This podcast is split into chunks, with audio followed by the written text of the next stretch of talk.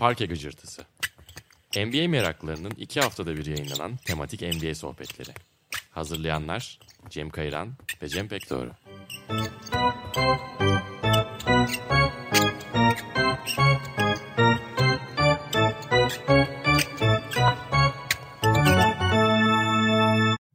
Parke Gıcırtısı'ndan herkese merhabalar. Ben Cem Kayran. Bantmak ve Sokrates Podcast ortaklığıyla hazırlanan programımızda bu hafta Cem Pekdoğru ile birlikte Deniz Antemiz'i ağırlayacağız. Hoş geldin Deniz. Hoş bulduk. Cem de tabii ki bizimle birlikte. Bugün aynı stüdyoda değiliz. Bu girişte bir seslenmelerde ufak boşluklar, tuhaflıklar olmuş olabilir ama Cem sen de hoş geldin. Hoş buldum. Yine bizim pandemi öncesi acaba konuk edebilir miyiz dediğimiz telefonuna, mail adresine ulaşmaya çalıştığımız ve yine bir buçuk yıl ötelenen bir buluşma. Bu sefer harekete geçmekte de aslında biraz geciktik. Ben 2020'nin başında telefonuna ulaşmakta başarısız olmuştum ama ilk olarak galiba Loş Sohbet'te sevgili Caner Özyurt bunun konu olduğunda Deniz Luka Doncic'ten bahsettiğinde Aa, acaba bir bölüme Deniz'i alabilir miyiz demiştim. E, tabii önceden de uzun süre takip etmiştim şovlarını. Sonrasında yakın zamanda da yine neyse ne kanalında bu sefer Deniz NBA'de oynayan işte Alperen Şengün üzerinden ve Ömer Faruk Yurtseven üzerinden özellikle bu gurbetçi sporcuları tırnak içinde takip etmeyi ne kadar sevdiğinden bahsetmişti. Dedim zamanıdır. Deniz bir kez daha bu sefer numarasına ulaşıp taciz etme girişimi bu sefer başarıyla sonuçlandı. Hoş geldin Deniz. Çok Hoş bulduk. İyi yaptın bu arada. Çok iyi oldu yani. Bu kötü girizgah. Yani bu bir stand-up show olsaydı seyirciler paralarını iade e, aşamasına geçebilirlerdi bu antreden sonra ama bu arada Deniz'i hazır sunmuşken e, Şubat ayında hem moda sahnesinde hem de Bahçe Galata'da iki şovu var. Onu da yakalayıp konuğunuzu daha yakından tanıyabilirsiniz diye bu plug'ı ben yapmış olayım. Vay, çok iyi. Aktarırken. İnşallah çabuk çıkarmayı başarabiliriz. Ya aslında Cem'in bahsettiği gurbetçi sporcularımız muhabbeti biraz hani bu programın da çatısını belirlemekte bize yardımcı oldu. Bugün muhtemelen zaten şu an bu podcast'i dinlediğiniz mecradaki başlıktan da görmüş olacağınız gibi NBA'de forma giymiş, Türkiye'li, Türkiye'den gitmiş yerli ve bazı yabancı oyuncuları da hatta konuşacağız. Yine her zaman olduğu gibi biraz bizde bıraktıkları izler üzerinden, hafızalarda nasıl yer ettiklerinden ve hani biraz da bugün bildiğiniz gibi hani çok başarılı yeni genç sporcularımız da var NBA'de. Hani biraz da onlar üzerinden de muhabbet edeceğiz. Ama biraz ilk başta Deniz Antemiz'den dinleyelim. Hani NBA merakı nereye dayanıyor, ne zaman başladı, nasıl takip ediyor? Biraz anlatabilir misin acaba? Ya NBA merakım tam ne zaman başladığını hatırlamıyorum ama yüksek ihtimalle Jordan, Magic, Larry Bird'ü şeyi hatırlıyorum mesela One on One diye bilgisayar oyunu vardı. Orada işte Dr. J ile Larry Bird vardı galiba yanlış hatırlamıyorsam. Hı hı. Ondan sonra ilk onunla haberdar olduğumu hatırlıyorum bir çocuk olarak yani bu Los Angeles Lakers'tan, Boston Celtics'ten falan. Sonra herhalde Jordan'la birlikte hepimiz yani ne zaman olduğunu bilmiyorum ama Jordan zamanı sabahlara kalıp maç izlediğimi hatırlıyorum yani. İlk yani bu şeyden sonra Jordan'dan sonra Kobe Bryant'ın çıkışına da denk geldim. İşte şey e, Show ilk çıktığında 17 yaşındaydı falan. Aa böyle bir adam geliyor diye. O çünkü böyle insanın hayatında birkaç tane de böyle denk geldiği doğuşundan hani kariyerinin sonuna kadar insanlar oluyor ya belki 3-4 tane işte Messi, Ronaldo gibi falan. Sonra rosterlar bu ya yani NBA'deki oynayan oyuncuların değiştikçe bazen kopup bazen geri geliyor insan. Diğer sporlarda da oluyor bazen mesela Schumacher'in Formula 1'i sıkıcılaştırması gibi diyebiliriz. Ondan sonra benim de dönem dönem kopup geri geldiğim oldu. Ama bu dönem tam hakikaten eskisi gibi takip ettiğim bir dönem. Ee, bence çok güzel bir seçkisi var NBA'in oyuncu olarak. Bir sürü heyecanlandıran insanı isim var. Yeni bir sürü yapış biçimi var falan. O yüzden şu aralar işte hem YouTube'dan hem yani yorumcuları ESPN'den de takip ediyorum. Ondan sonra bizim Türkçe içerikler de bence bu konuda bayağı iyi ve çeşitli. Ondan sonra böyle bir izleme kısa tarihim var açıkçası. Hı hı. Muhtemelen benden daha fazla güncel NBA hakim olduğum bir dönemdesin. ben de şu an koptuğum dönemini Aa, çok yaşıyorum. Ilginç. Evet. Ona rağmen bir NBA podcast'i yani yürütebiliyoruz. Cem, Cem Kayıran sağ olsun. evet Cem geçen sene playofflarda maç izleyince kendimize gelememiştik. Nasıl olabilir Cem yine bir maç izledi diye. Yine playoff'ta döneceğim ama ben de bu sene biraz NFL'e merak sardım nedense. Ya, ilginç. oluyor. Daha böyle bir zihinsel egzersiz kısmı. Özellikle o gerçekten gazozuna oynanan normal sezon maçlarından sonra NBA'de. iyi geldi. Ama benim inanılmaz bir kolej basketboluyla yoğurduğum bir basketbol izleme şeyim de var. E, O yüzden hiç bana girmeyelim. Denizden devam edelim. Abi o yeni format adını verdiğiniz ya da ad vermeyi reddettiğiniz programların sonuncusunda e, biraz bahsetmiştin Alperen ve özellikle Ömer Faruk'un senin için hani ilham verici yanları da olabildiğinden ki böyle sürpriz gerçekten basketbol sahasında iki çaylak oyuncuda bunu bulmak ama oradan biraz girelim istersen bu NBA acı vatan konularına. Girelim bence şey yani spor bu belki bir sürü şu anda izafi olan şeyin içinde en ölçülebilir başarısı bir alan ya. Dolayısıyla insanın başarısında kolay kolay yatsınamayacağı bir alan. Yani 50 sayı atıyorsanız atıyorsunuzdur gibi yani. O yüzden de böyle bu konuda yani bir sürü belki her konuda yetenekli insan var Türkiye'de ama özellikle bu konudakilerin yeteneği ölçülebildiği için de belki onlar için böyle bir imkan doğuyor. Ben de kendimi kendi yeteneğimi mesela ne bileyim işte stand-up'ın Premier Ligi Amerika'da ise öyle diyebiliriz. Ondan sonra orada tabii denemek isterim ya da futbolcu olsaydım Premier Lig'e gitmek isterdim. O yüzden onların o bu konudaki hem de çok genç bir yaşta aldıkları kararlar ve onları uygulama modelleri gerçekten benim için ilham verici oluyor. Hem ben gitsem ne olurdu diye. Hem de şeyden oluyor açıkçası e, yani sonuçta burada kalmamayı tercih ediyorlar ve o tercihlerin sebebi aslında iş adına onlar için yapılmış bir tercih. Bu kısmıyla da ilginç. Çünkü orada biraz konuştuk galiba Caner'le de ama burada kalsalardı yani belki çok para kazanabilirlerdi. İşte Avrupa'da falan bir şeyler kesin yaparlardı. Ama orada yaşadıkları hayatı yaşamayacaklardı. Baskette yoğrulma bakımından ne bileyim Alperen gidip Hakim Aleycoğan'la bilmem ne yapabiliyor. Yani Hakim'e de kopmadığımız yerler var galiba ama. Ve bunu yapma modelleri de çok değişik. Ömer'le Alperen'in iki farklı insanlar yani o manada. Bu arada Hakim'in de gerçekten bu uzun oyuncu yetiştirme şeyi herhalde hakim tedrisatından geçen üçüncü oyuncu olacak. Çünkü hep Houston'da çalışıyor genel olarak. Evet. Mirsad bir bir araya gelmişliği vardı zaten o zaman. Evet. De devam ediyordu Hakim'in. Tabii lockout senesi olduğu için çok da bir araya gelememişlerdi o yaz. Sonra Mirsad Philadelphia'ya zaten Rockets'la antrenmana çıkamadan takas edilmişti ama o yazı birlikte geçiriyorlar bir süre. Ömer Aşık'la da galiba bir yaz çalışmışlardı ufak da olsa. Alperen de gerçekten o haber ne zaman düşecek diye bekliyordum. Yani Geçen işte bu e, kanatları altına almış. Evet almış hemen. Ama yani bu şeyi de gösteriyor bir yandan kültürü de yani hani Hakim'in birkaç ayda bile her oyuncuya her uzuna katacak şeyleri olduğundan herkes hakim. Hani bizde Şampiyonların dershanesi gibi bir şeyi var. evet yani bizde mesela belki bu kadar çok çeşitli seviyede bu şey yapılmıyor yani tüketilmiyor olabilir bu kültür ya da herhangi bir kültür. Dolayısıyla işte onların bu hem gitme fikirleri, istekleri hem de yani Ömer'in de hikayesi bambaşka. Hakikaten belki burada detaylı da konuşabiliriz ama hem Fenerbahçe'de yaşadıkları hem Fenerbahçe hem Türkiye özelinde yani hani belki o genç yaşta çok daha da sert olabilecek bir takım eleştirilere göğüs gerip yine de kendi bildiğini okuması ve onların gelişimini hakikaten izliyorum. İki insan olarak da izliyorum ve Ömer kadar İngilizce konuşsam herhalde o akıcılıkta zaten stand-up yapıyor olurdum orada. Yani şey de var Ömer'in durumunda söz konusu olan ve biraz böyle kayıt öncesi bir iki mail döndürdüğümüzde de bahsettim. Ya kolej basketbolu için gitmek de aslında yani basketbolun ötesinde o kariyer dışında bireysel eğitim ve gelişim için önemli bir karar oluyor. İşte Ömer Faruk'ta da Georgetown'a gitmesi, işte North Carolina State'e gitti daha sonra Georgetown'a geçti ama Evet. orada iki çok köklü programı deneyimlemesi. Yani sahada verdiklerinden ve draft listelerine, radarına NBA takımlarının girmesinden öte e dediğin gibi o gelişimi göstermeye başlaması ki bunu şeyde de görüyoruz. Yani NBA'de belki bir kariyer sahibi olamayacağını bile bile oraya gidip de işte Sinan Güler gibi, Doğuş Balbay gibi sonra geri döndüğünde çok farklı bir profil olarak aslında işte Avrupa basketbolun altyapılarında belki fundamental olarak daha fazla gelişim elde edebilirler ama oraya gittiklerinde belki o zanaatin de ötesinde farklı bir yani farklı bir eğitimle geliyorlar ve çok sıra dışı profiller oluyor aslında. Doğuş Balbay mesela bir medya gününde biz yan yana oturup konuştuğumuzda diğer yerli oyunculardan net bir biçimde ayrılabiliyordu.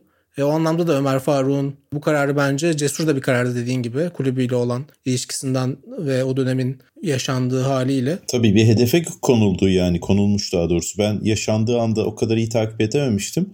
Ama geriye dönüp dinlediğimde yani neredeyse dudağım uçukladı. Sert bayağı bir şey. Hı hı. Neredeyse hani Avrupa'da vatana ihanetle, e, tabii şeyle takıma ihanetle falan böyle birazcık şey geldi bana açıkçası. O yüzden de mesela onların aşırı merak ettiğim bir şey psikolojileri. Belki hani hiç de böyle bir hani köprüleri yakıp da gitmek gibi düşünmemişlerdir.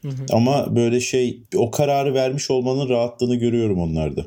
Gerçekten basketle ilgileniyorlar ve böyle şeyde ikisi de orada çok mesela bir beni etkileyen kısmı da şuydu. Daha önce yani kapağı atmak ya da gidip birileri bir şey yaptığında bizim şaşırma şeyimiz daha fazla oluyordu. Şimdi tabii belki Mehmet Okur'dur, Mirsat'tır falan onlardan sonra bu oyuncular gittiğinde bizi bu sefer başarıdan ziyade onların oradaki kendinden söz ettirmesi ya da oyuna kattıkları mesela Alperen o bakımdan orada daha önce yapılmayan şeyleri yapıyor. Ve mesela bu çok güzel. Bu benim de yapmak isteyebileceğim bir şey olurdu. Dolayısıyla bu yeni jenerasyonun böyle bir değişiklik getirebilme şansı var.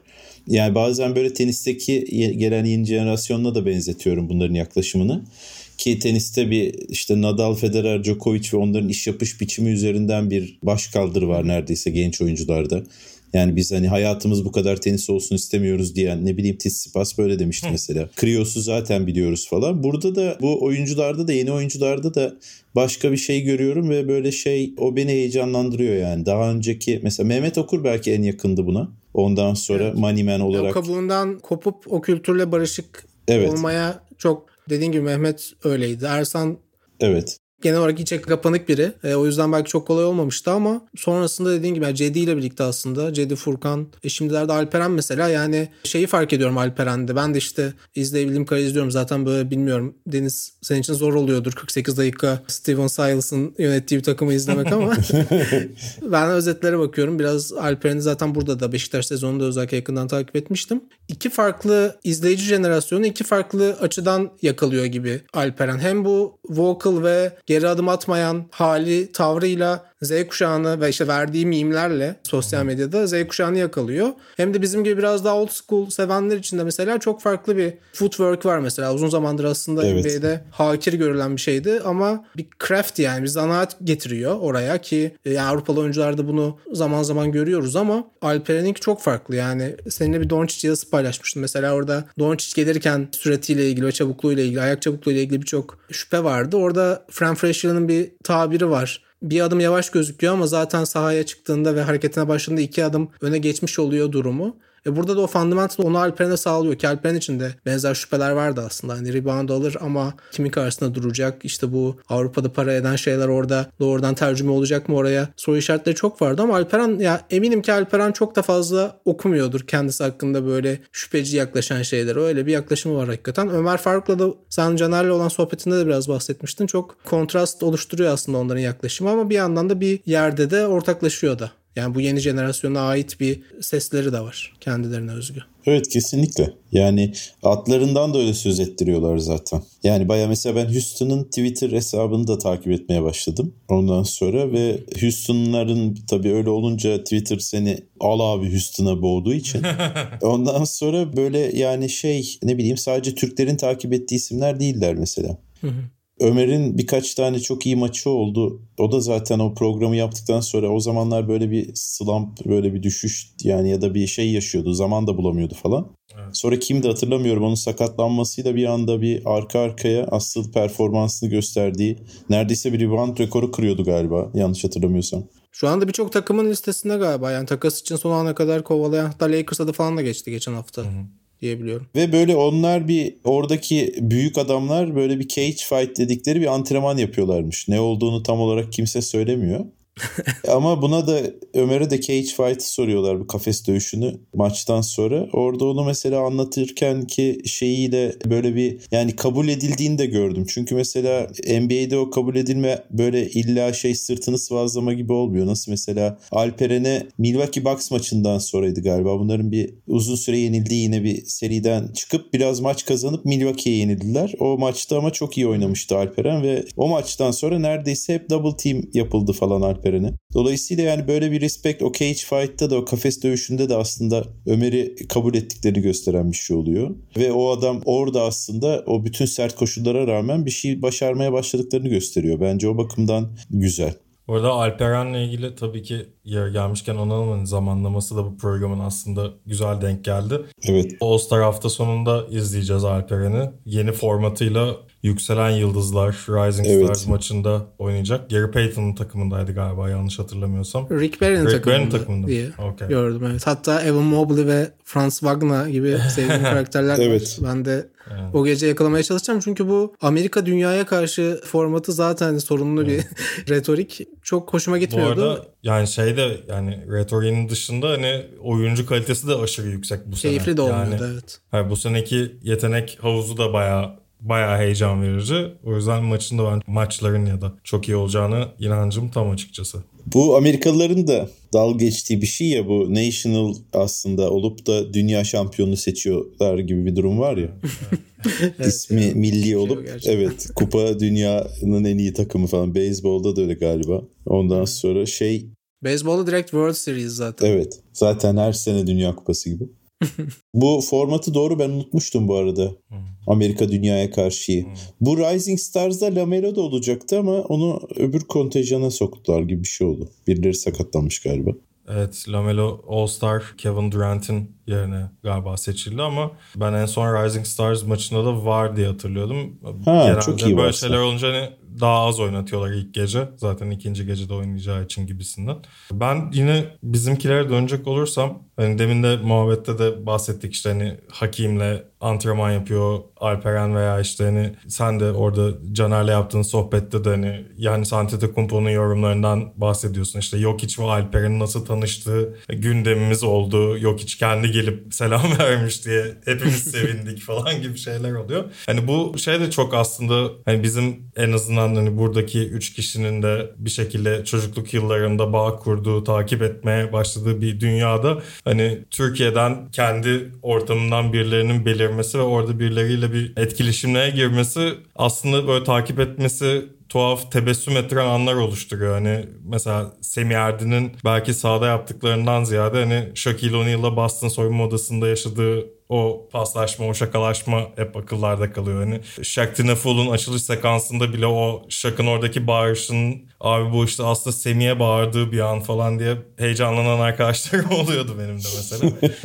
Hani bu tür şeylerle ilgili hani senin böyle çok aklında kalmış Hani mesela işte All Star hafta sonunda Mehmet'in oynadığı, Mehmet Okur'un oynadığı maçta işte Shaquille O'Neal'ın klasik o topu sürdüğü pozisyonda karşısına Mehmet'i alması gibi. Evet o çok iyi bir andı. Şekte tek kişilik bir oryantasyon turu gibi yani. Herkesi NBA'ye şey yapmış, buyur etmiş içeri. Ya böyle saha içindekilerden ziyade de hani onları zaten biraz biraz konuşacağız. Hani böyle daha komik, esprili veya eğlenceli olarak aklında kalmış bir şey var mı diye merak ettim. Bir de yani şeyden bahsettin ya Deniz NBA ile ilk tanışma döneminden. Yani 80'li yıllarda NBA denen şey hayatına girmiş biri için çok zor. Türkiye'den çıkmış birini orada o kültürün bir parçası olarak görmek. Biz dediğin gibi aslında 90'ların ortasıyla birlikte biraz daha NBA nedir ne değildir ve orada Mirsad gibi sonrasında Hidayet ve Mehmet gibi örneklerle bu şaşkınlığı biraz daha yaşamıştık ama o açıdan da bir yabancılaştırıcı bir etkisi oluyordur senin için. Yani yabancılaştırıcı ben orada hep beni şu andaki gençlerimiz bir nevi gençlerimiz dedim şey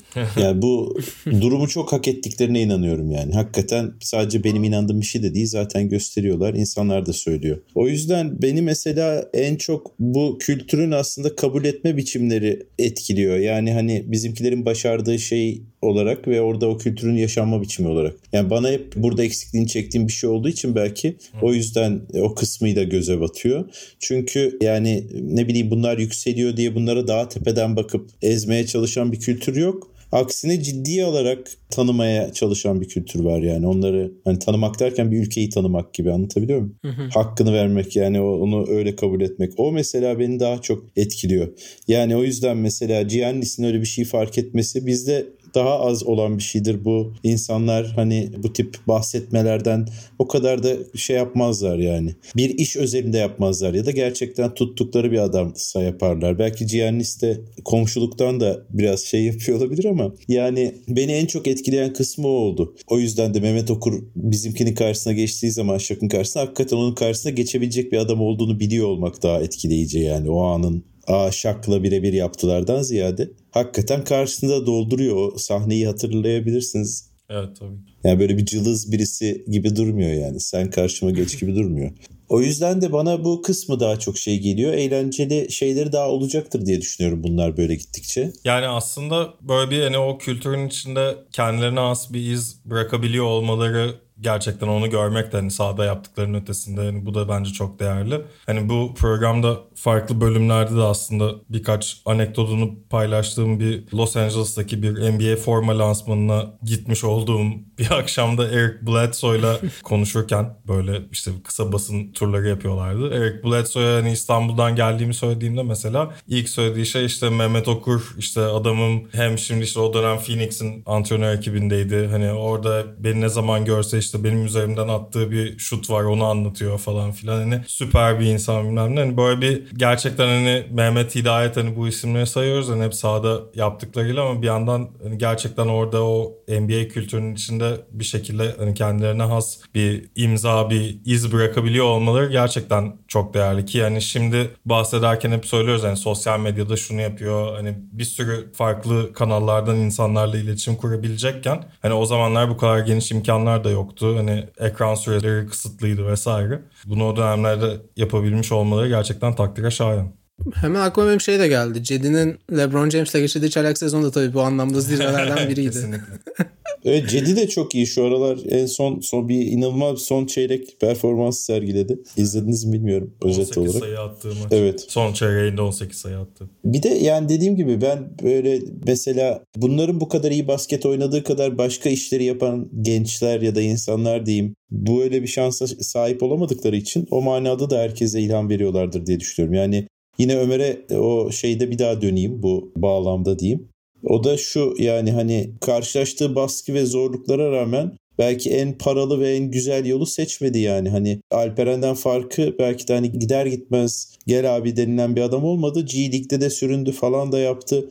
Yani onlara değdiğini düşünüyor olması lazım. Bu demek ki yani bunun için gerekenleri de yapıyor olması lazım. Yani oradaki mesela o durum bana ilham verici yine gelen kısımlarından biri. Keşke hani herkes belki bunu yapmaya kalkışabilse daha güzel olur yani herkes NBA'ye gitsin diye söylemiyorum da. yani bu böyle bir sıçramayı başarabilse o manada en çok Herkes işinin. NBA'ini hedeflese. Evet ya da bunu çünkü yani öyle bir nasıl söyleyeyim ben öyle bir insanım biraz öyle nitelendirebilirim kendimi yani yaptığım şey çalıştığım şeyden zevk alıyorum o yüzden zaten hani mesleğimi değiştirdim. Öyle bir şey olunca insan onun etrafındaki şeylerin az mesleğin içindeki craft'ın bilmem nenin çok olmasını istiyor. Onları o manada da gıpta ediyorum yani. Çünkü her yaptıkları hareketi aa bilmem ne yaptı şöyle döndü böyle okuyan insanlar var. Biz varız işte takip ediyoruz falan. Bu çok aslında eşsiz bir durum yani. Bir seyircileri var öyle düşünün. Çünkü eskiden bir spor tüketmek bir takım tutmakla oluyordu. Şimdi bir spor tüketmek bir karakteri takip etmekle de olabiliyor bir süredir. Ve o karakteri de biz bir sürü sosyal medyasıyla, antrenman videosuyla bir sürü şeyle takip ediyoruz. Dolayısıyla canlı roman gibi bir şeye dönüştürebiliyoruz odağımızda. Bu yüzden de bu belki bu kadar tartışabildiğimiz bir şey. Yani Alperen ve Ömer üzerinden. Kim bilir Mehmet neler yaşadı yani. Ya benim de çok fazla böyle oyuncu var yani insanların da böyle garipsediği bir şey oluyor. Sen Russell Westbrook'tan nasıl pratik hayatında kullanabileceğin bir ilham devşirebilirsin. E, anlatmak bunu zor olabiliyor. E, ama çok fazla öyle duygudaşlık hissettiğim oyuncu var. Ama mesela sizin Caner'le olan sohbetinizi de bu kadar referans verdik bir link atarız artık açıklamada.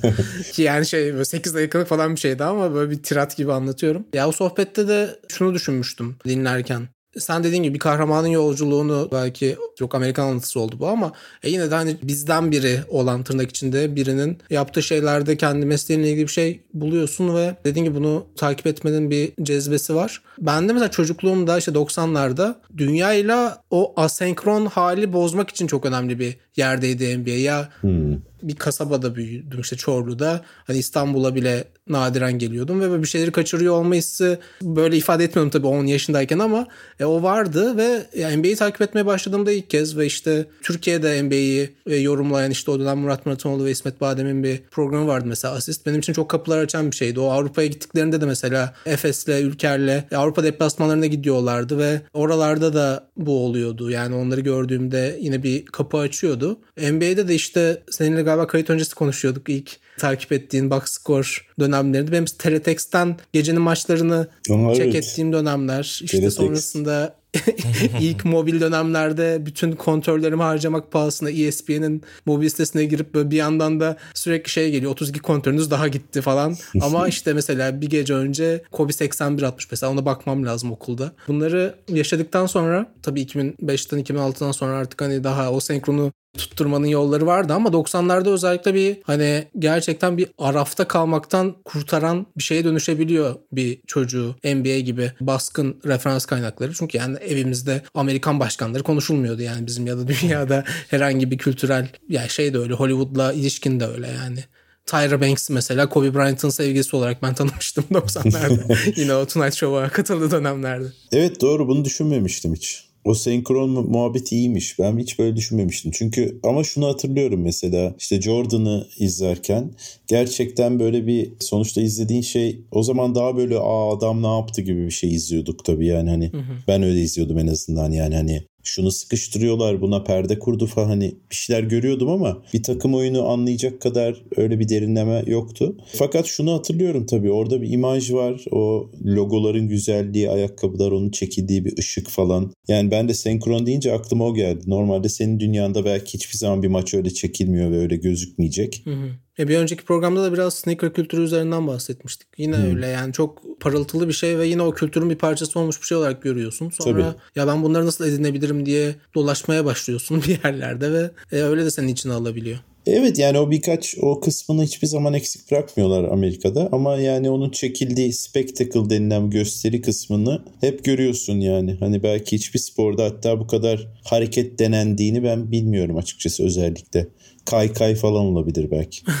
Ya bu gurbet konusunu o parantezi kapatabiliriz isterseniz. Orada son şeyden bahsetmek istiyorum. Yani gerçekten bu kuşağın ne kadar özel olduğu ile ilgili biraz Deniz çok iyi özetledi. Ama hakikaten 90'lardan sonra bu denemeleri yapan oyuncularımızda hep bunu göremiyorduk. Yani Hidayet ve Mehmet aslında yani gerçekten elit oyuncular arasına girmişlerdi. İşte bu Şek'le düelloyu yaptığı All-Star maçı zaten hani All-Star unvanını almak zaten bir oyuncu için tamam sen oldun demek. Yani NBA'in elit 24 oyuncusu arasına girmek ki o sene gerçi Mehmet 4 sakatlık sonrası girmişti. 16 kişi de o konferansından aslında All-Star olmuştu. Onunla ilgili de yine Murat Muratoğlu'nun benim de işte çalıştığım, katkıda bulunduğum salonunda En Kötü Koltuk kitabında o süreci anlatan güzel bir hikaye var. İlk süreçte Carlos Boozer e, All-Star seçiliyor. Sonra onun sakatlığıyla da ilk girenler arasında Mehmet'e yer vermiyorlar. Hatta Josh Howard kariyerin tek All-Star'ını kazanmış oluyor. Fakat şeyi fark ediyorum. Hidayet için de işte 2008'de zaten MIP ödülünü kazanmışlığı var ve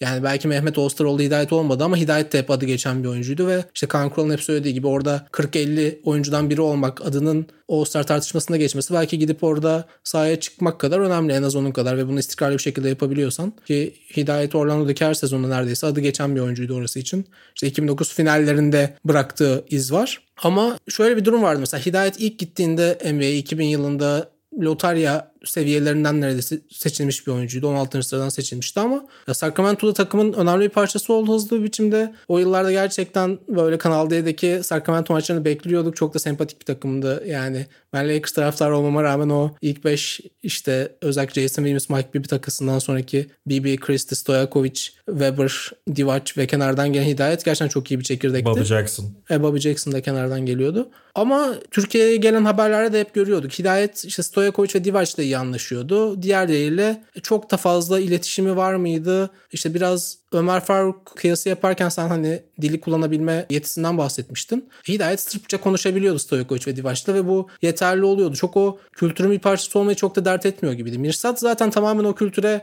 meydan okuyarak bir baş kaldırı gibi gitmişti oraya. Ben Avrupa'da rebound kralı olabilirim ama NBA'de de bunu yapabileceğimi göstereceğim dedi ve hep böyle bir işte haksızlığa uğruyorum psikolojisi de vardı oradaki sezonunda. Hmm. Özellikle New York'ta işte Jeff Van Gundy onu rotasyonun arkalarına itince çok böyle biraz karikatürize bir hikaye ama hep anlatılır. Jeff Van Gundy'nin yanına gidiyor bir antrenmandan sonra çok öfkeli bir şekilde. Ben artık sahada dakika bulmak için ne yapmalıyım diye soruyor. Van Gundy'de yani önünde önemli oyuncular var diyor ki o takım işte 99'da NBA finali oynamış takım aslında. Ertesi yıl Houston, Philadelphia üzerinden New York'a gönderiyor Mirsat'ı. Çok da iyi bir senaryo değil. E beni 3 numara oynat diyor. ya Mirsat da o günlerde NBA'de 3 numara oynayabilecek bir durumda değil. Hiçbir zaman olmadı da. O dönemde de yani bir pot altına rebound alsın. işte biraz itiş kakışa girsin diye seçilmiş bir oyuncu. E ama ya şutunu da yavaş yavaş geliştirmek için çok tane iyi çalışan biriydi. Onun da hani çalışma disiplinine, iş alakına hiç ya zaten söz edilemez Avrupa'da özellikle bunun böyle en iyi örneklerinden biriydi şey diyor Vengan diye kırık bir Türkçeyle me 3 diyor. 3 numarada oynat diyor. 3 numarada Sprewell var diyor. Yok Sprewell 2 diyor. O zaman Larry Johnson var diyor. O da 4 diyor. Tekrar işte üsteliyor 3 diye. Jeff Van Gundy you 3 me fired diyor. Seni 3 numara oynatırsam yarın kovulurum diyor. Ya böyle bir inatlaşma halinde geçirdi bence NBA günlerini ve o günlerde işte son bölümde Kaan abiyle ya da bir önceki bölümde Dino Radja'dan bahsettik mesela. 20-10 yaparken bile geriye dönebiliyordu. Çünkü finansal olarak da oyun ve oyuncu kalitesi bakımından da öyle büyük bir makas yoktu. Ya da işte Sasha Danilovic Miami'de ilk beşin parçası olmuştu. Gayet orada adapte olabileceğini gösteriyordu. Yani yeteneği zaten sınırsızdı yani yapabilecekleri. O da geri dönmeyi tercih etti. Ama yani tabii Mirsad biraz daha Rigodo ya da Yasikevicius gibi orada deneyen ama çok başarılı olamayınca geri dönen oyunculardan biri oldu. Ama işte Rigodo ve Yasikevicius için nasıl Avrupa'nın en büyük kariyerlerinden ikisi diyorsak Mirsad için de bunu söyleyebiliriz ama bence işte Mehmet biraz bunu kırdı dediğin gibi Deniz.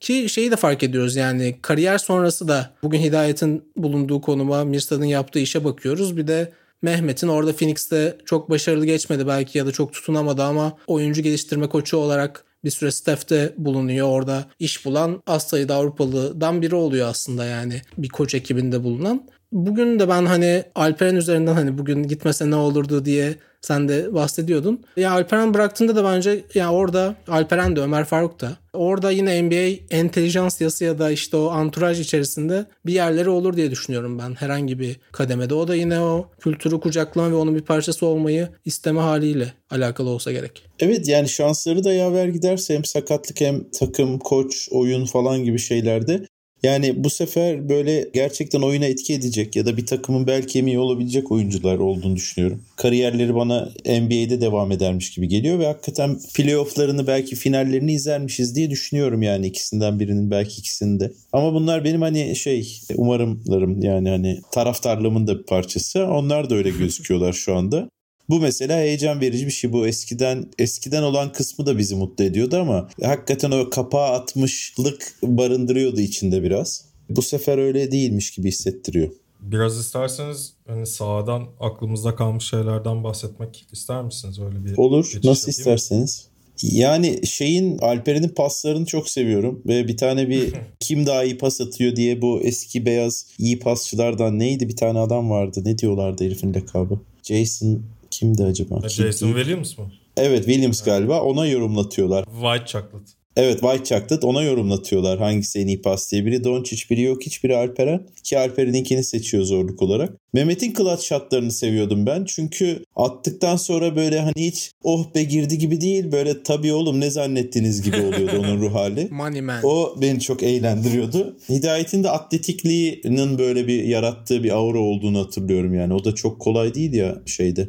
Yani Hidayet'ten özellikle bir an hatırlamıyorum ama belki o kadar izlemedim. Ama Mehmet'i çok net hatırlıyorum. Hidayet'in benim özellikle hani böyle maç bitiminde kenardan top oyuna sokulurken potaya doğru aleyup pasları için hep Orlando'dayken tercih edilen isim oluyordu. O anlarla birlikte tabii ki Kobe Bryant'a blok koyduğu maç sonu Hani Kobe Bryant buzzer beater'ını bloklamış olması bile hani bu Doğru o dev bir etki. Yeterli başarı. bir şey hem de evet. hani maçın seviyesi hani çok üst düzeyde çok Cem normal sezon maçları hakkında bir yorum yapmıştı ama playofflarda hani takımı 2-1 gerideyken maç kazandırıyor. Hani final serisinde çok ciddi etki ediyor. Hani Clutch'ta çok güvenli bir ele dönüşmüştü gerçekten. Hani özellikle o bahsettiğimiz Orlando dönemi takip etmesi çok heyecan vericiydi ya. O maçı uzatmaya götürüyordu da sağ evet. olsun Courtney Clay sayesinde Lakers kazanıyordu. Ben o maçı bir kere Lakers Türkiye forumunun üyeleriyle, değerli üyeleriyle izlediğim için gerçekten Hidayet'in o blok anını kolay kolay unutamayacağım gibi gözüküyor. Ben Hidayet'in sarı balyajlı saçlarını hatırlıyorum Evet, evet. ikinci sezonda. Aa evet öyle bir Justin Timberlake zamanı vardı onun. Doğru unutmuşum. Bu aklımdan çıkmıyor. Şeyin bu Şek'in barbekü chicken dediği bu yani bizim Alperen'in de çok yaptığı pota altında bir sağa bir sola bir sağa bir sola dönüp hatta biri Alperen yine Mevlana'yı tanıtıyor yazmış e, bir meme olarak. O kadar ona çok güldüm. evet. Alper'in o draft şeyi de gerçekten biz bir draft bölümü de yapacağız ve daha böyle draft anında yaşanan gariplikleri falan konuşuruz diyorduk. Giresun'a selam çaktığı yeşil Evet çok güzeldi. Tarihe geçmiştir. Evet çok iyiydi valla. Bence gayet hani şeklinden de onun mesela o tip şeyler hoşuma gidiyor benim. Böyle bir şımarıklık gibi gelmiyor. Aksine yani orasının öyle bir yer olduğunu bilip böyle biz geldik gibi. Mesela o onun bir psikoloji olarak değişiklik olduğunu düşünüyorum açıkçası. Ya onu yapmanın çok kötü yolları da var mesela. Mario Hezonya diye bir şey de yaşadı NBA. LeBron James'ten iyi olduğunu düşünerek oraya gitti ve şu an bilmiyorum Avrupa'nın hangi liginde oynuyor. Ama yani Alperen'deki bravado farklı bir şey ve ya, küstahlığa vardırmıyor. Ee, ya da bilmiyorum vardırdığının iddia edildiği birkaç pozisyon da oldu galiba sonunda ama ya bence bunun altın oyunuyla doldurduğunda yani bu çaylak yıllarında zaten böyle geçirmesi bir iddia ortaya koyması sempatik. Bence de. Bir de Furkanlarımız var aslında pek. Evet. Furkan'dan hiç bahset. Ben Furk'u çok seviyorum. Furk diyorlar ya Amerikalılar. O da mesela çok cool bir çocuk bilmem ne yani gözüküyor. Ondan sonra o da mesela daha iyi yapsın istiyorum. Sanki böyle bir kendine güven problemi varmış gibi. Ondan sonra bazen yaşıyormuş gibi. Ama mesela onun varoluşu da gayet cool yani herif. Furkan'ımızı da evet unutmayalım. Furkan'ımız Ben Furkan için bayağı tezahürat ediyorum çünkü draft yazarlığı kariyerimin son anlarından birinde şey demiştim. Draft gecesi Cemal Murray ve Furkan Korkmaz arasında seçim yapacak genel menajere şimdiden kolaylıklar gibi bir tweet atmışım. Çok yükselmişim Furkan'ın potansiyeline. ya bu şeydi yani Murray'i degrade eden bir şey değil. Hakikaten ikisini de 50 seviyede 50 seviyeye çıkabileceklerini düşündüğümden attığım bir tweetti. Ama çok iyi yaşlanmadı. Ama yine Furkan bence bir yani rol sahibi olacaktır. Biraz inişli çıkışlı gidiyor gerçekten. evet. Yani çok şutu üzerine kurduğu için o streaklere göre tabii ki o inişler çıkışlar biraz doğal belki de ama ya ben Furkan'dan özellikle şeyde çok etkilenmiştim. O sırada çok da fazla izliyordum yerel ligi bir profesyonel kariyerimdeki bir işten dolayı. E, Banvit'e kiralık gittiği sezon ki yani e, Efes'te hiç süre alamıyordu ki alması gereken Oradan gitti Yani- zaten değil mi? Banvit'ten gitti gibi bir şey oldu o da. Evet yani Banvit'te yarım sezonu kiralık gibi geçirdi. Evet. İşte orada Filipovski'nin takımında yani ilk günden itibaren takımın go to guy gibi oynadı ki önemli oyuncular var. Zaten takım başarılıydı. Yani oraya e, ek bir kuvvet olarak eklendi ama işte Amerikalılardan oradaki Jordan Theodore'dan işte Orelik vardı galiba 4 numarada. Onlardan topu alıp tek başına Şampiyonlar Ligi'nde özellikle işte Kupa 3'te FIBA'nın organizasyonu tek başına finale taşımıştı neredeyse. Çok clutch şutlarla ve özgüveninin sarsıldığı düşünülürken öyle gidip o iddiayı koyması zaten bence yetenek havuzu olarak da çok NBA'ye uygun bir oyuncu basketbolun gittiği yerde ama orada mesela savunma kalitesini de göstermişti epey ve bu clutch anlardaki özgüveninin de iyi bir işaretti. Tamam belki Cemal Murray seviyesine gelmeyecek ama bence iyi bir kariyeri olacaktır Furkan. Bana da öyle geliyor. Böyle bir ikinci bahar yaşayabilirmiş gibi bir tip Furkan. Bir de çok garip bir takımda. Evet. Gerçekten Philadelphia'da her gün söyleyecektim ben de ya. Yani evet, pembe dizi gibi bir takım bir yandan da. Yani. Tabii hem Şimdi bir sürü şey oluyor hem de böyle sonra- bir çok katı bir oyunları var bir yandan da. Evet. Ya o role girmen gerekiyor. Evet. Çok fazla doğaçlamaya çok fazla yeri yok. Yok öyle bir şey yok yani baya hani oradaki o parça da sakatlanırsa da ona en benzer parçayı oraya koyarak giden falan bir takım hüviyeti çizdi yani bana. Koçu moçu izledim çünkü Furkan'la ilgili birkaç şeylerin falan. Ama güzel bir ortam varmış gibi gözüküyor. Keyif yerinde gibi gözüküyor yani. Formaları çok güzel Philadelphia'nın. Evet. ben o yüzden. Şehir sertmiş sadece öyle biliyorum. evet evet bir de o da var. Furkan Aldemir de kulaklarını çınlatmamız gereken isimlerden E, biri. Ferg aslında Philadelphia sınırlarına Furkan Aldemir'le girmişti. Onun da lakabı Doğru the onunla girmişti aynen. bir şeydi. Bu sefer dikkat ediyorlar. Bilmiyorum böyle bir herhalde bu Vogue denilen yeni kültürün de özen gösterdiği bir şey. İsimleri mümkün olduğu kadar dillerini döndürmeye çalışıyorlar.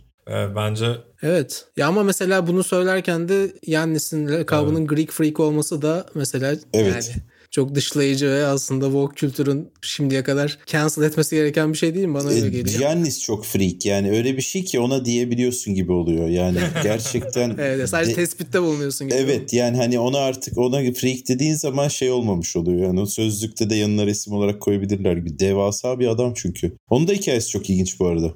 Evet. Ve bin kardeşler. Onlarda bir bol kardeşler gibi bir durum var değil mi?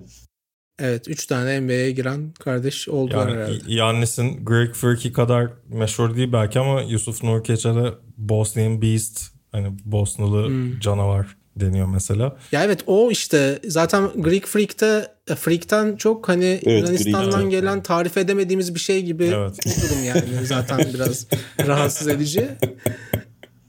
Ama evet yani Yannis'e yakıştığını söyleyebiliriz. E abi Yannis'ten bahsettin. Bir de ilk bizim radarımıza girmene sebep olan vesile olan diyeyim. Doncic'ten Luka Doncic bahsetmedik. sevginden de biraz bahsedelim. Evet ya Doncic, Doncic sevgim böyle şeyde ben onu bir şekilde Avrupa'dan yani NBA'ye gittiğinde uyandım ve geriye doğru ve de sonra öğrendim ama şey abi çok oyununu seviyorum. Ve böyle o az yavaş gibi gözüküp hızlı gidebiliyor olmasının da içinde böyle şey gibi geliyor bana hani böyle sanki fazla adım atmadığı için insanlardan hani düşünüp attığı için adımları ekstra bir adım atmasına gerek kalmıyor gibi. Ondan sonra ve böyle açıkçası oyunuyla yani aa bu adam böyle eski belki starlarla NBA'yi sevmenin bir dezavantajıdır. Hı hı. Ondan sonra öyle bir ışık gördüğüm için çok hoşuma gitti gerçekten ve böyle Oyunu dönüştüren bir yapısı vardı zaten Çaylak Evet. sezonundan beri yani işte. Literatüre yeni şutlar ekledi yani. Tabii yeni şutlar ekledi. Bir sürü şeyi getirdi. Yani böyle ne bileyim bir Hacı'nin Türkiye'ye gelmesi gibi bir şey de oldu. Ondan sonra ve gerçekten yani genç yaşında bayağı da iyi gidiyor. Yani bu sene birazcık bir ilk başta bir kilo problemi vardı galiba. Ondan sonra bu sene yine tam en iyi senesi olduğunu düşünmüyorum. Bayağı iyi de. Ama bu oynadığı Dallas garip bir takım. Yani hani o Mark Cuban'ı falan birazcık takip ediyorum. Hem sahibi de yani iyi- tatlı herifler herkes iyi hoş ama takım playoff ya da finallere çıkma başarısı gösteremezse sanki Doncic'in oyunu da sorgulanacakmış gibi hissetmeye başladım. Koç olarak da Cem Kayıra'nın çok sevdiği bir figür var. Bugün Kim? özel bir fotoğrafını attım kendisine. Yani Jason Kidd'in. Milwaukee döneminden anekdotlarıyla muhabbeti genişletebiliriz tabii ki ama o başka bir programın konusu olsun. O yeni yakalarıyla birlikte. Ama bence kayıttan sonra kesin Deniz'e bir 3-4 tane komik video Jason Kidd'in Evet. o içecek dökerek mola aldığı an. Watergate İşte- ya. Yani Onu kesin atarız. Yani Doncic dediğim gibi öyle bir oyunuyla aslında beni ve böyle yine kendine güveni bilmem nesiyle almıştı. Jennifer Aniston'a attığı bir mesaj var biliyorsun kendine güven demişken. evet. Ondan haberin var mı? Doncic'in mi? Evet. Ne yapmış? Anneler gününü mü kutlamış?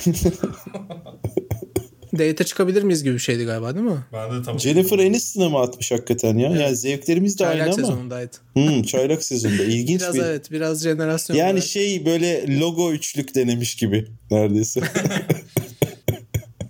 Ama yani evet öyle bir durum var. İzlemesi de yani ben seviyorum. Güler yüzlü insanları da seviyorum biraz. O bakımdan da iyi geliyor bana. Yani özellikle şu anda bizimkiler beni Doncic'ten uzaklaştırdı gibi oldu.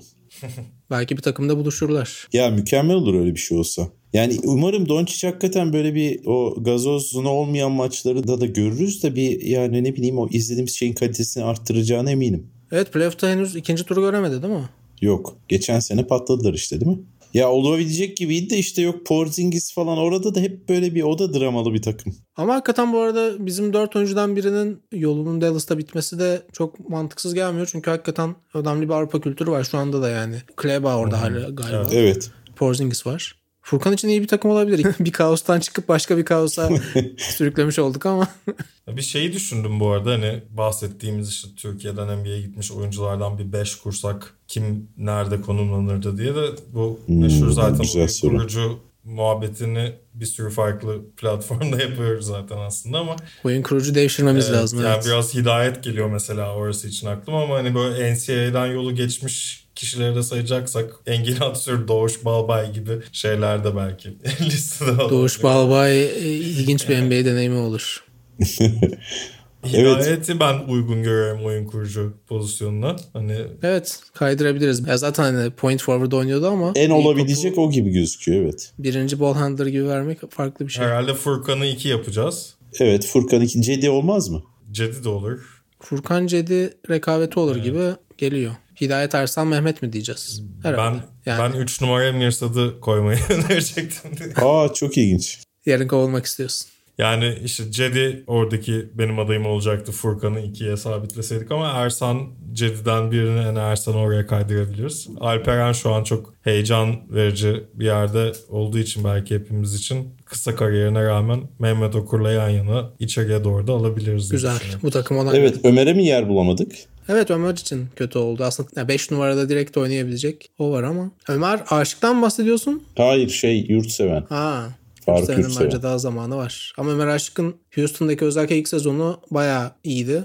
Ki çok hani sakatlık ve daha sonrasındaki hastalıkla epey talihsiz bir Maalesef. son oldu NBA kariyeri için ama Chicago'da da hatta kenardan gelip iddialı bir takıma ciddi katkı veriyordu. Yani Noah ve Boozer. Noah ve Boozer'ın arkasında evet o ve Tej Gibson giriyordu. Çok iyi bir front court'tu. Çok yakınlarda bir Chicago Bulls maçında o kadrodan artık yani NBA'de olmayan oyuncular bir araya gelmiş. Bir fotoğraf gördüm. İşte Kirk Heinrich var, işte Noah var, Ömer de orada. Böyle bir 5-6 kişi buluşmuşlar o ekipten hani öyle bir herhalde. Keyifli bir takımdı. Evet, Thibodeau'nun aynen. yani oyuncular için çok keyifli değildi çünkü bir rotasyonu pek sevmeyen bir hoca olduğu için kendisi hala öyle.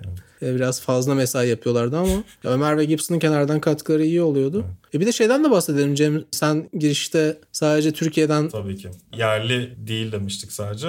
Çok yakın zamanda peş peşe hani iki tane Bogdanovic Fenerbahçe'den mezun olarak diyelim. Ki işte Bogdan Bogdanovic şu an Atlanta'da ve hani Sacramento'da o kaostan neyse ki kısa sürede kurtuldu. Atlanta'da biraz daha hani henüz tam olarak kendini önemli bir parça olarak istikrarlı bir şekilde kabul ettirmiş olmasa da güvenilen ellerden biri ve bu sene Alperen'de de izleyeceğimiz Rising Stars maçında bir MVP olmuşluğu da var kendisinin. Boyan Bogdanovic de keza çok istikrarlı bir şekilde Utah'ın önemli bir hücum parçası olarak da iddialı bir takımda ve istikrarlı bir şekilde kariyerine devam ediyor.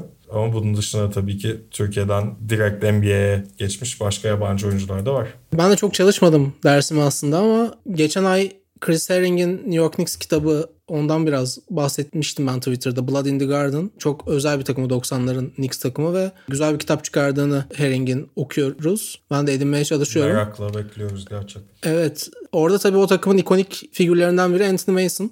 Anthony Mason da NBA kariyerine başlamadan önce Efes'te bir sezon geçirmişti. Daha doğrusu yarım sezon geçirmişti. Kimse de öyle bir kariyeri olmasını beklemiyordu zaten. NBA'de tutunup bir de All-Star da seçildi yanlış hatırlamıyorsam 2000 ya da 2001'de. Bu arada da maalesef e, hayatını çok erken yaşta kaybetti. Ama Türkiye'de Efes'le geçirdiği o 3-4 ayda inanılmaz bir hikayesi var. Gerçekten yani bu 12 arıza adam bölümü de yapmıştık biz aslında. O arızalar arasına da neden sokmadık bilmiyorum. Herhalde Knicks'ten Charles Oakley'i temsilen e, aldığımız için Mason'a konu gelmedi ama burada kapalı çarşıdan aldığı bir palayla bir soyunma odasında maç sonu toplantısına girdiği ve o palayı Koç Aydan Sevuş'a tuttuğuyla ilgili bir yani şehir efsanesi diyemiyorum. Çünkü Yiğit Erulu ilk olarak bu hikayeyi anlatmıştı. Daha sonra Murat Muratanoğlu'ndan duymuştum.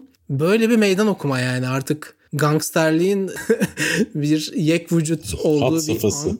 Ve yani gelip böyle kültürel de hani doğulu bir figür bulup kapalı çarşıdan bir saldırı aracı alıp Aydan Siyavuş'un karşısına çıkması o anı böyle hayal etmek bile zor geliyor. Yani biraz böyle şehir efsanesi gibi bakmıştım hakikaten ilk kulağıma çalındığında ama e, sonra gerçekten bu hikayenin olduğu ve sonra da ertesi gün zaten kadro dışı bırakılmışlığı var. Ve yani yolunu kaybetmesi ve asla bir profesyonel takım parçası olmaması beklenir daha sonra böyle bir karakterin ama bayağı dediğim gibi All-Star'la ulaşan bir kariyeri oluyor ama tabii NBA'de de çok belalardan uzak durmuyor ki bu kitapta da çok iyi Charles Oakley ve Anthony Mason anekdotları olduğunu duydum.